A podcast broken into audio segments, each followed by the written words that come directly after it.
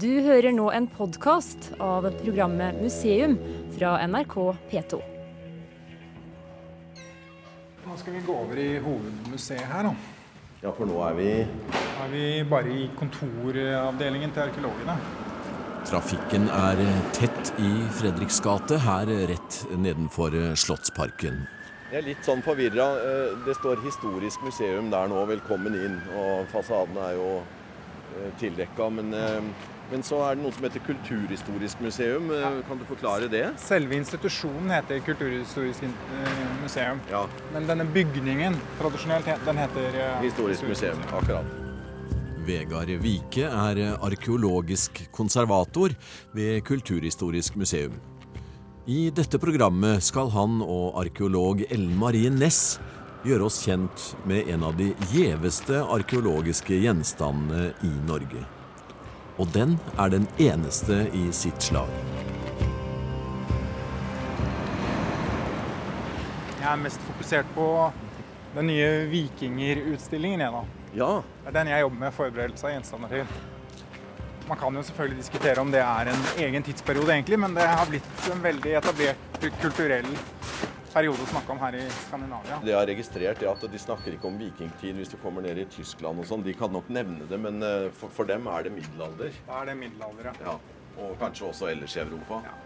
Så her i Skandinavia så knytter vi det jo gjerne opp til kristningen. Ja. Vikingtiden er på en måte før kristningen, men Ja. eh, det, kristningsperioden var jo egentlig en langvarig periode i Skandinavia, som skjedde på litt ulike tidspunkter ulike steder i Skandinavia. ja. Så det, er ikke, det er jo ikke en rød strek. Skal vi opp en eh, heis. Da er vi på baksiden av, eh. Ja. Det skaper jo litt problemer i annen progresjon også når vi skal planlegge ulike utstillinger òg. Det er klart. Det er vanskelig å sette eksakte datoer når de driver og bytter ut hele vindusmassen. Men det er jo denne hjelmen som vi, vi skal eh, fokusere mest på i dag. Da, og er, er noe som eh, på en måte er eh, fortsatt et veldig sterkt symbol om vikingtiden, så er det jo, er det jo hjelmen. Heiagjenger eh, på skiskytterstadion og, og overalt, og i festlige lag så dukker vikinghjelmen opp. Hjelmen er jo på en måte krigerens krone, da. Og siden det er så få av dem her fra Skandinavia, og den hjelmen vi nå skal se på, Gjermundbuhjelmen, er jo egentlig den eneste sånn delvis komplette hjelmen vi har fra skandinavisk vikingtid. Så den har jo fått ganske mye oppmerksomhet etter hvert. Den har et veldig karakteristisk utseende med noen brilleformede ansiktsbeskytter og sånn som, som gir et veldig morskt utseende. Så den har, har nok fenget mange opp igjennom siden den ble funnet for eh, noen generasjoner siden. Den ble funnet under annen verdenskrig. Ja, på 40-tallet, ja. Eh, vi skal jo komme tilbake til det med hvorfor det er så få vikinghjelmer bevart. Da. For eh, det er vel mange andre ting fra vikingtiden som det er mange funn av. Ja, altså f.eks. sverdene og de andre våpnene har vi jo veldig mange av. Eh, Men det handler nok veldig mye om hva de valgte å putte i gravene. Man kan ikke sette et likhetstegn mellom hva vi faktisk har funnet fra gravene, og hva de faktisk hadde, og hvilken, hvor vanlig det var å ha det i bruk. Eh, Det hadde nok mye å gjøre med hva man av tradisjonsgrunner mente var riktig å legge i gravene. Eller nødvendig å legge i gravene. Men sånn i, i det store og hele, Gjermundbuehjelmen, er den eh, unik? I skandinavisk sammenheng så pleier vi å si, den ganske, si at den er ganske unik. Det fins eh, deler fra gjerne to andre hjelmer vi snakker om. Det er en fra Gotland, fra et sted som heter Lokrum. Og, og så er det en fra Danmark, fra et sted som heter Kjele. Der det også er noen eh, sentrale hjelmdeler. Og da det, snakker vi om disse, denne ansiktsbeskytteren, disse øyebrynene eller brilleformede beskytterne. Da. Det er også funnet da i, i Kjele og, og Lokerøna på Gotland og i Danmark. Din bakgrunn inn i dette, da? Eh, Jeg har konservatorutdannelse, så jeg pleier å jobbe, jobbe bare med arkeologiske gjenstander. Så, så arkeologisk konservator er vel riktigst betegnelse å bruke. Så det vil si at jeg jobber med å, å rense fram de arkeologiske gjenstandene etter at de er gravd ut. Og klargjøre dem for eh, Stabilisere dem for magasinering og, og utstillinger, da. En av de sentrale gjenstandene vi har på utstillingen her nå, det såkalte langeidsverdet, var jo et av de gjenstandene jeg jobbet med for noen år tilbake. Ja. Det må være Det var jo en av de mer fascinerende Spennende, da. Det var en av de mer fascinerende arbeidsoppgavene. Ja. Det var veldig Men er du spesielt opptatt av denne vikingtiden, eller? Jeg, jobber, jeg har endt opp med å jobbe veldig mye med vikingtidsfunn, ja. Her har vi Ellen Marie. Der er du, ja. ja god dag. Universitetslektor Ellen Marie Næss arbeider også på Kulturhistorisk museum. Hun er arkeolog og har god oversikt over utgravningen som fant sted i 1943, noen kilometer utenfor Hønefoss. Det skal vi komme tilbake til. Vi nærmer oss stedet hvor hjelmen nå klargjøres for en ny utstilling. Den har aldri vært så komplett som den er nå, etter at Vegard Vike har funnet og føyet til flere nye biter som han har oppdaget i museets eh, magasin. Nå går vi inn på det såkalte utstillingsforberedelsesrommet. Ja. Der vi jobber med Takk. Ah, For det er jo sånn eh, Gjermundbyhjelmen har blitt aktualisert nå, at den skal inn i en ny utstilling. da. et flott syn, altså. Når den er eh, montert sånn som den er der. Altså Nå står den i et lite lagerrom, men den har fortsatt en aura av eh, Oi, den har jeg lyst til å se. Og den skal jo få en eh, veldig veldig spektakulær innpakning i den nye utstillingen. Så man må absolutt komme og se den da. Den åpner nå i løpet av eh, vinteren eh, våren. Og da vil jo denne hjelmen framstå som, med en prakt som den ikke har hatt siden vikingtiden, vil jeg si. Det er i hvert fall mer komplett enn den noen gang har vært. For det er veldig fremtredende, de beskyttelsene rundt øya der. Ja, de, de gir et sterkt inntrykk av et ansikt. Når en person har den på, så skjuler de også en del av identiteten. Og gir et fokus på øynene. Den har nok hatt en effektiv avskrekning eh, også i vikingtiden. Det, det gjorde nok eh, krigeren eh, til litt et eget vesen. Som, som ikke lenger helt var et menneske. Som sikkert var litt skremmende. Denne her krigeren han har denne hjelmen som gjør at han mister de menneskelige trekkene, men han kommer mot deg sittende på en hest. Han har eh, spyd, han har sverd, han har kanskje et, han har en ringbrynje på seg. Han framstår som et kanskje rett og slett noe overmenneskelig. Og så står du som ser han og vet at det ikke bare er han utrustet for å drepe. Han kan drepe, og han vil drepe. Han har kanskje også rett til å gjøre det. Det var forferdelig skremmende for eh, de han møtte.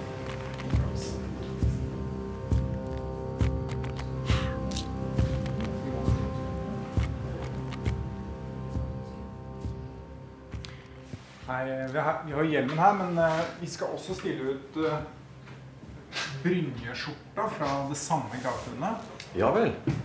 Så den har vi her. Oi. Den skal stå i nabomonteret nabomonter i utstillingen. Oi. Jeg tenkte det var greit å ha den også tilgjengelig. Har de vært på samme mann. De, hørte i hvert fall til samme utrustningssett, for de var i samme grav. Ja. Så det er også enda mer av dette brynjematerialet, for dette er jo ikke hele skjorta. Du ser det er bare en deler av frontdelen. Er det også unikt å finne eh, brynjer? Det er også mer eller mindre unikt. Så akkurat denne Gjermundbugraven, det at den har en hjelm og en sånn brynje, antageligvis en brynjeskjorte, det er, begge deler er ganske unikt i eh, skandinavisk vikingtidssammenheng.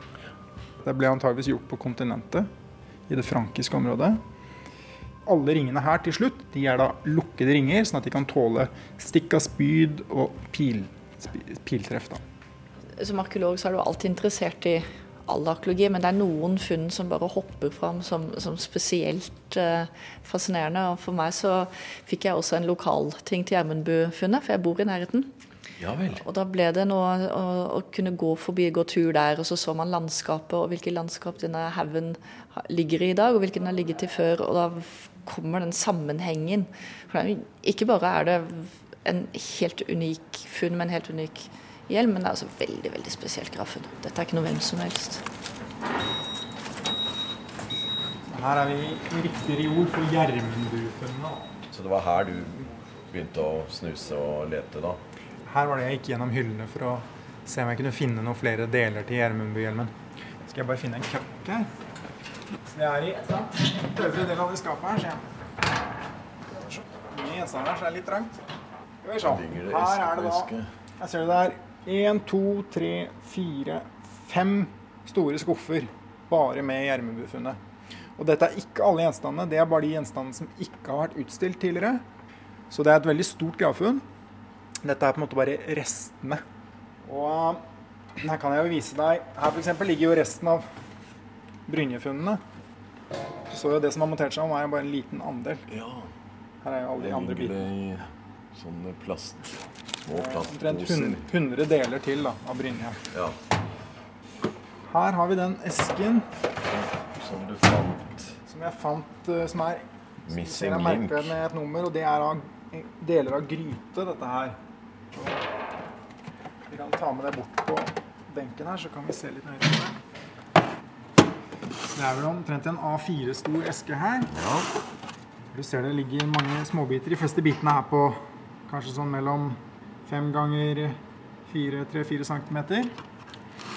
Og du ser disse her er litt mørkere i brunfargen, har litt mer rest fra jord og rust på seg, og også et lag med voks, som var en eldre konserveringsmetode som ikke lenger brukes. da. Så blant alle disse bitene så fant jeg de hjelmdelene. Da så jeg jo etter likhetstrekk med de eh, andre delene som man var sikker på hørte til hjelmen. Bl.a. form og bestemte kanter som var eh, formativt på bestemte måter, og huller og sånn etter et bestemt mønster. Var det enkelt å, å, å plukke ut de, eller? De første delene fant jeg ganske enkelt, og da lurte jeg nesten litt på hvorfor de ikke hadde lagt merke til det. det. I katalogen Det var montert opp syv deler på hjelmen. I katalogen så sto det at det skulle være ni hjelmdeler. Så eh, et par av delene hadde de jo visst om. Så de var eh, relativt lette å finne. Men det var mange av de delene som var mye mer usikre, som jeg hadde problemer med. Og det, det kan fortsatt være at det er noen av disse delene her som hører til hjelmen, som jeg ikke var sikre, sikre nok på. Ja. Dette var de delene som jeg var litt usikker på om hørte til hjelmen. Du ser jeg har rensa dem. Eh, du ser denne klassiske glødeskallet fra kremasjonen. Ja. Men, eh, men jeg hadde ikke nok holdepunkter til å si sikkert at dette var hjelmdelene. Den her er blant eh, annet litt for tynn. Og du kan ikke bruke vanlig puslespillmetode, gå på og prøve å se og sette inn og Det prøvde jeg, men det, det er så mye Altså det er så mye som mangler. For de har antageligvis ikke Det virker ikke som når de har gravd, så virker det ikke som de har fått med seg alt. Så det, her er det nok noe noe gikk nok litt fort. Det kan ligge igjen mer i haugen, for å si det sånn. Men det ligger, jeg vil også tro at det ligger mer informasjon eh, både kanskje jorda, men kanskje vel så viktig er akkurat det som Vegard har gjort nå, å se på hva vi faktisk har. Og se på det med nye øyne og veldig mye personlig dedikasjon. Og gå på det med dødsforakt, for her er det mer informasjon å hente ut. Magasinene våre er kjempestore, det er så mye informasjon å hente. Så det er mye å ta ut med det vi har, tror jeg. Kanskje det er det som blir fremtidens arkeologi. Når vi ikke har lenger noe bevart i bakken, så blir det å jobbe med det vi har i magasinene. Og det er jo å se på de fysiske tingene i magasinene, se på det med nytt blikk, men også med det moderne menneskes eh, spørsmål, som er annerledes enn de var da dette ble funnet på 40-tallet. Absolutt. Så det viser jo bare at eh, det er alltid mer å hente i magasinet. Så du gjemmer litt, så du har jobb eh, noen år, år til Da framover. kan, vi, da kan vi få gjort en liten oppfrisking fram mot nytt vikingtidsmuseum på Bygdøy. Da, vet du. Ja. For det er jo liksom det store nå fra denne tiden, at det faktisk blir et nytt bygg. Det blir det, og da vil jo Gjermundbuhjelmen være en eh, helt naturlig del av eh, en utstilling der ute. Ja. Hele funnet.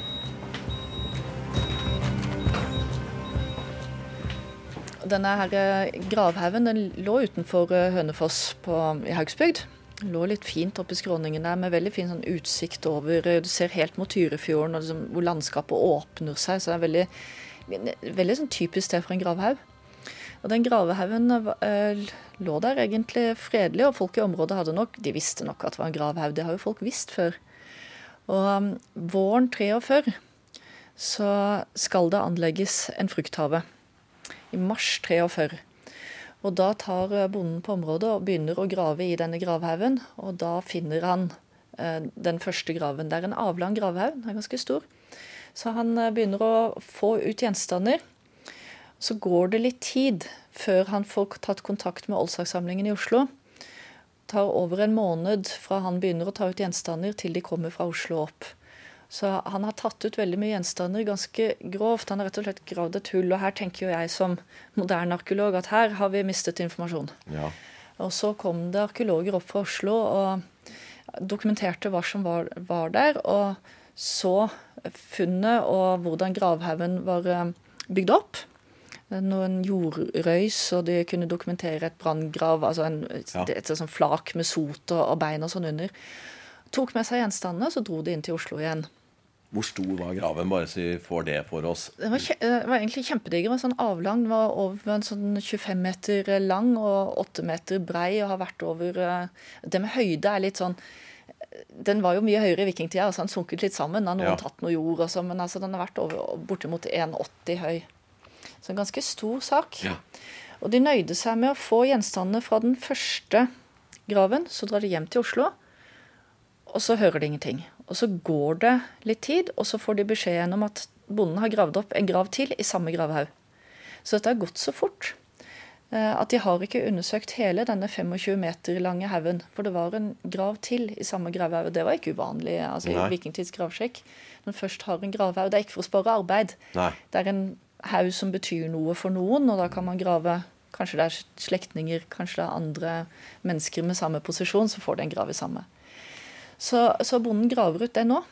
Og så går det enda eh, noen uker, og så kommer arkeologen og henter gjenstandene for grav nummer to. Det vi skal huske, er at dette skjer i 1943. Det skjer i, eh, han, bonden graver det ut i mars 1943, og arkeologene kommer i april og mai. Det er krig. Det er krig. Og Haugsbygd spesielt, var spesielt rammet. Et av de stedene hvor det virkelig var ille. Kampen i Haugsbygd har du kanskje hørt om. Eh, det var et av, et de stedene hvor det var ordentlige trefninger i 1940 mellom tyskere og de som var igjen for å forsvare landet den gang. Så, så det ligger en veldig dårlig ånd over bygda. Og så kommer dette, og ingen har egentlig tid. Og det blir tatt inn til Oslo, og man skulle kanskje tenke seg at tyske styresmakter ville si Yes, her har vi en vikinggrav, en vikinghøvding, en vikingkriger. Det er akkurat hva vi trenger. Det har de ikke tid til. Eh, funnet kommer inn til Oslo i april-mai. I februar samme år så, kampene, så, tar kampene i Stalingrad slutt. Ingen har, no, har lenger tid og krefter og overskudd til å bry seg om en vikinggrav fra Bygde-Norge. Så den blir liggende i esken sin her i huset. Ja. Og her blir den liggende til krigen tar slutt. Og de begynner å planlegge den nye vikingtidsutstillingen som skal opp. Så Den åpnet i 1948, og da ble denne hjelmen stilt ut for første gang. Og Siden har vi stort sett hatt den, med noen ute, iallfall ett utlån, men stort sett har den vært stilt ut her siden da. Vi har eh, flytta oss tilbake til rommet hvor hjelmen nå nå klargjøres for ny utstilling. Nå fremstår den jo for meg helt hel. Ja, nå er det særlig Det er litt dette båndet som går rundt hodet her, som ja. uh, fortsatt mangler en del deler. Og så er det en av disse fire trekantede hovedplatene som utgjør skallen, da, ja. som mangler, ser du. Så, men det er blitt ganske mye mer supplert nå. Det er klart, De delene som på en måte er mest slående, de var jo der i utgangspunktet. Sånn som disse, denne brilleformede ansiktsbeskyttelsen, den var der. Og denne bøylen med piggen i toppen, den var også der. Men det er mange ulike ting som har skjedd opp igjennom med hjelmen. Denne piggen i toppen den var jo i en del år borte. Vi visste ikke hvor den var. Eh, fordi på gamle bilder så, så man at den lå bøyd over og var korrodert fast til toppdelen der. Men så når jeg begynte å jobbe med hjelmen i forbindelse med en annen, litt eldre utstilling, så, så oppdaget jeg at den piggen den var ikke der lenger. Den var rett og slett borte. Men så fant vi den heldigvis på innsiden av hjelmen. I den gamle, gamle, støttedelen så hadde de dyttet den inn i et gammelt monteringshull. Sikkert fordi den falt av i forbindelse med en utstilling, antageligvis den utstillingen som var rundt i Europa på, på tidlig 90-tall. Eh, så den har vært på reise, ja? Den har vært på reise flere ganger. På store sentrale utstillinger så ønsker man jo alltid å låne inn denne hjelmen her. Men eh, det er sjelden man får, får lov til det da. For den, vi vil gjerne ha den utstilt selv. Selvfølgelig kan se litt på denne gamle tegningen også, som, som var med i originalpublikasjonen av funnet. Ja. Eh, det begynner jo å bli ganske mange år siden dette her ble gjort. Men de fikk stort sett alle konstruksjonsdetaljer rett. Sånn som jeg også har observert det. Ja. Så den har en litt spesiell konstruksjon, men hoveddelen av hjelmen er at man har et, et ganske bredt eh, pannebånd, som kanskje er en sånn 5-6 cm bredt, som går rundt hodet rett ved ørene og langs panna. Og på dette pannebåndet så er det da festet fire trekantede hoveddeler som er litt skålformede. Sånn til sammen så utgjør disse trekantede delene og de utgjør eh, toppen av hodet. Og så For å holde dette her sammen så går det da fire bånd opp fra panna opp til toppen, og fra nakken opp til toppen, og fra hver av ørene opp til toppen. De er naglet med bitte små nagler. Du kan se hullene her fortsatt. Og så er det enkelte av naglene da, som er eh, fortsatt ble, ble er bevart. Her kan du se bl.a. et par godt bevarte ja. nagler her. Ble det klinka, da? Så det ble, ble klinka fra, fra, innsiden, ja. Så da må man ha Men det har vært ganske mye jobb med å aller først banke ut alle platedelene. Da ble jo banka ut flatt til det ble riktig tykkelse. Og så måtte man forme disse delene tredimensjonale etterpå. Du kan se Her er det smidd inn en liten, en liten kant her. sånn ja. liten eh, ja. En linje som følger den pannebåndsdelen som de andre delene passer inn i. Så har man måttet passe på at alle delene liksom har riktige dimensjoner, så de overlapper riktig. Og så har man lagd opp hull da, i de forskjellige delene, slått et hull gjennom et piggforma verktøy. Og så har man lagd opp alle disse naglene og, og klinka sammen delene. Jeg har lagd noen sånne hjelmkopier tidligere, så det er en del sånn pirk med å, å tilpasse alle delene så det passer sammen. Men eh, da må vi også snakke om disse hulla som er her, da. Eh, hvor mange er det? Det er to På denne best bevarte av disse skalledelene så er det to store hull. Kantete hull. Og Når man ser litt nøye på dem, og særlig etter at jeg har rensa dem med mikrosamblåsing, så kommer de linjene og detaljene og hjørnene i de hullene godt fram. Og det jeg oppdaget, var at eh, de passer helt overens med tverrsnittet på de spydene som også er funnet i graven. Ja, der ligger det flotte fotografier på benken. Så jeg har prøvd å visualisere ja, her hvordan spydene som er funnet i graven, de har vært ja. stukket inn i hjelmen. Og her snakker vi nok om, om en hendelse som har skjedd eh, trolig som en del av begravelsesritualet. For dette her, Hvis du ser på overflaten så, av hjelmen, så ser du at alt ser litt blått ut. Det er en sånn egen hinne ja, på overflaten. Ja. Og Det kaller vi glødeskall. og det er fordi denne graven er en kremasjonsgrav.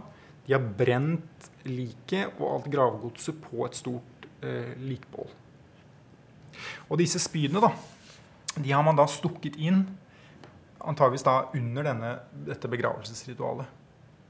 Og Det er litt fascinerende at man liksom har stukket begge spydene inn. Det var veldig vanlig at man ødela særlig våpen, våpnene i sånne graver, i sånne kremasjonsgraver med at man tok økser og hugde i stykker skjold, hugde i stykker sverd, og bøyde sverd, bøyde spydspisser. Og her har man da også gjort det med, med hjelmen. Hva, hvorfor det? Det er en av de tingene vi aldri kan gi et ordentlig svar på. Men vi, vi pleier å kalle det at man drepte våpenet, eller drepte gjenstandene. Så det kan ha vært en tanke om at man på en måte ved å, å ødelegge gjenstandene, så, så, på en måte frigjorde man et eller annet eh, besjela ved dem og overførte det til dødsriket sammen med den døde. Det kan det være. Men dette er noe man kan spekulere frem og tilbake om. Ja. så mye man bare ønsker. Men det du har fortalt nå, eh, sier oss at han kanskje da ikke døde i, i kamp? Det vet vi ikke sikkert, for vi har ikke Siden det er en kremasjonsbegravelse, er skjelettmaterialet veldig ødelagt. Vi har bare liksom små brente rester igjen. Jeg syns det er så rart å, å, høre at det er funnet så få. Ja, Det har vært mye diskutert, akkurat dette med hvor har alle vikinghjelmene hen? Det er skrevet artikler om dette her. Eh, og vi kan ikke si noe absolutt sikkert om det annet enn at det trolig har å gjøre med hva man valgte å legge ned i gravene. Så Det kan være en sammenheng mellom at det ikke var så vanlig som mange av de andre våpnene, som sverd og økser og alle disse angrepsvåpnene, og i tillegg at de av en eller annen grunn valgte å ikke legge ned gravene. Fordi, enten fordi de ønsket å bevare hjelmene i bruk, kanskje det var viktige symbolgjenstander å ha i bruk, på en eller annen måte, eller at man ikke anså det som nødvendig å putte i gravene. Dette vet vi jo ikke sikkert, men det, er en sammenheng. Både brynjeskjortene og hjelmene de er fraværende i de fleste gravfunnene. Nå skal man huske på én ting, og det er at akkurat disse viktigste og dyreste delene av våpenutrustning, disse hjelmene og brynjeskjortene, de eh, var også noe som var antakeligvis tilknytta de fremste krigerne i samfunnet, herskerne og lederne. Og de ble begravd i veldig store gravhauger. Og disse store gravhaugene er nesten alltid plyndra. Og da er det selvfølgelig sånne viktige gjenstander sånn som dette her. Hjelm, brynje og ulike våpen. De er da fjerna fra gravene. Så disse praktfulle skipsgravene som vi har, de er tømt for den typen gjenstander. Har dere noe kunnskap om det er eh, forskjellige tradisjoner i forhold til det å ta vare på hjelmer, ettersom vi har så få? De brukte jo hjelmer andre steder i verden òg. Hvis vi går et par hundre år tilbake før vikingtiden og snakker om det man i Sverige kaller vendeltiden, så har vi en gruppe hjelmer som er Der det er ganske mange av dem. I hvert fall flere håndfuller av, av slike hjelmer. Og de er jo enda mye flottere enn Gjermundbyhjelmen. Masse edelmetalldekorasjon, flotte dekorasjonsplater som er satt på. Det var tydeligvis sånne hersker- og statushjelmer. Og de ble nettopp puttet i gravene. Så da har vi sånne gravfelter i Sverige der det de ligger sånne herskergraver på rekke og rad med sånne hjelmer oppi. Så, og dette er i samme tradisjon som f.eks. Sutton Hoo-hjelmen i England, som er veldig kjent. Eh, det er en sånn, akkurat da i den tiden der så, så skulle hjelmene tydeligvis i gravene. Hvis du ser filmer og populærvit, eh, altså sånn populærkultur eh, nå, og nå, det kommer noen vikingkrigere og så skal ordne opp med noe på filmen, så har de jo på seg en kopi av Gjermundbyhjelmen. Alle sammen.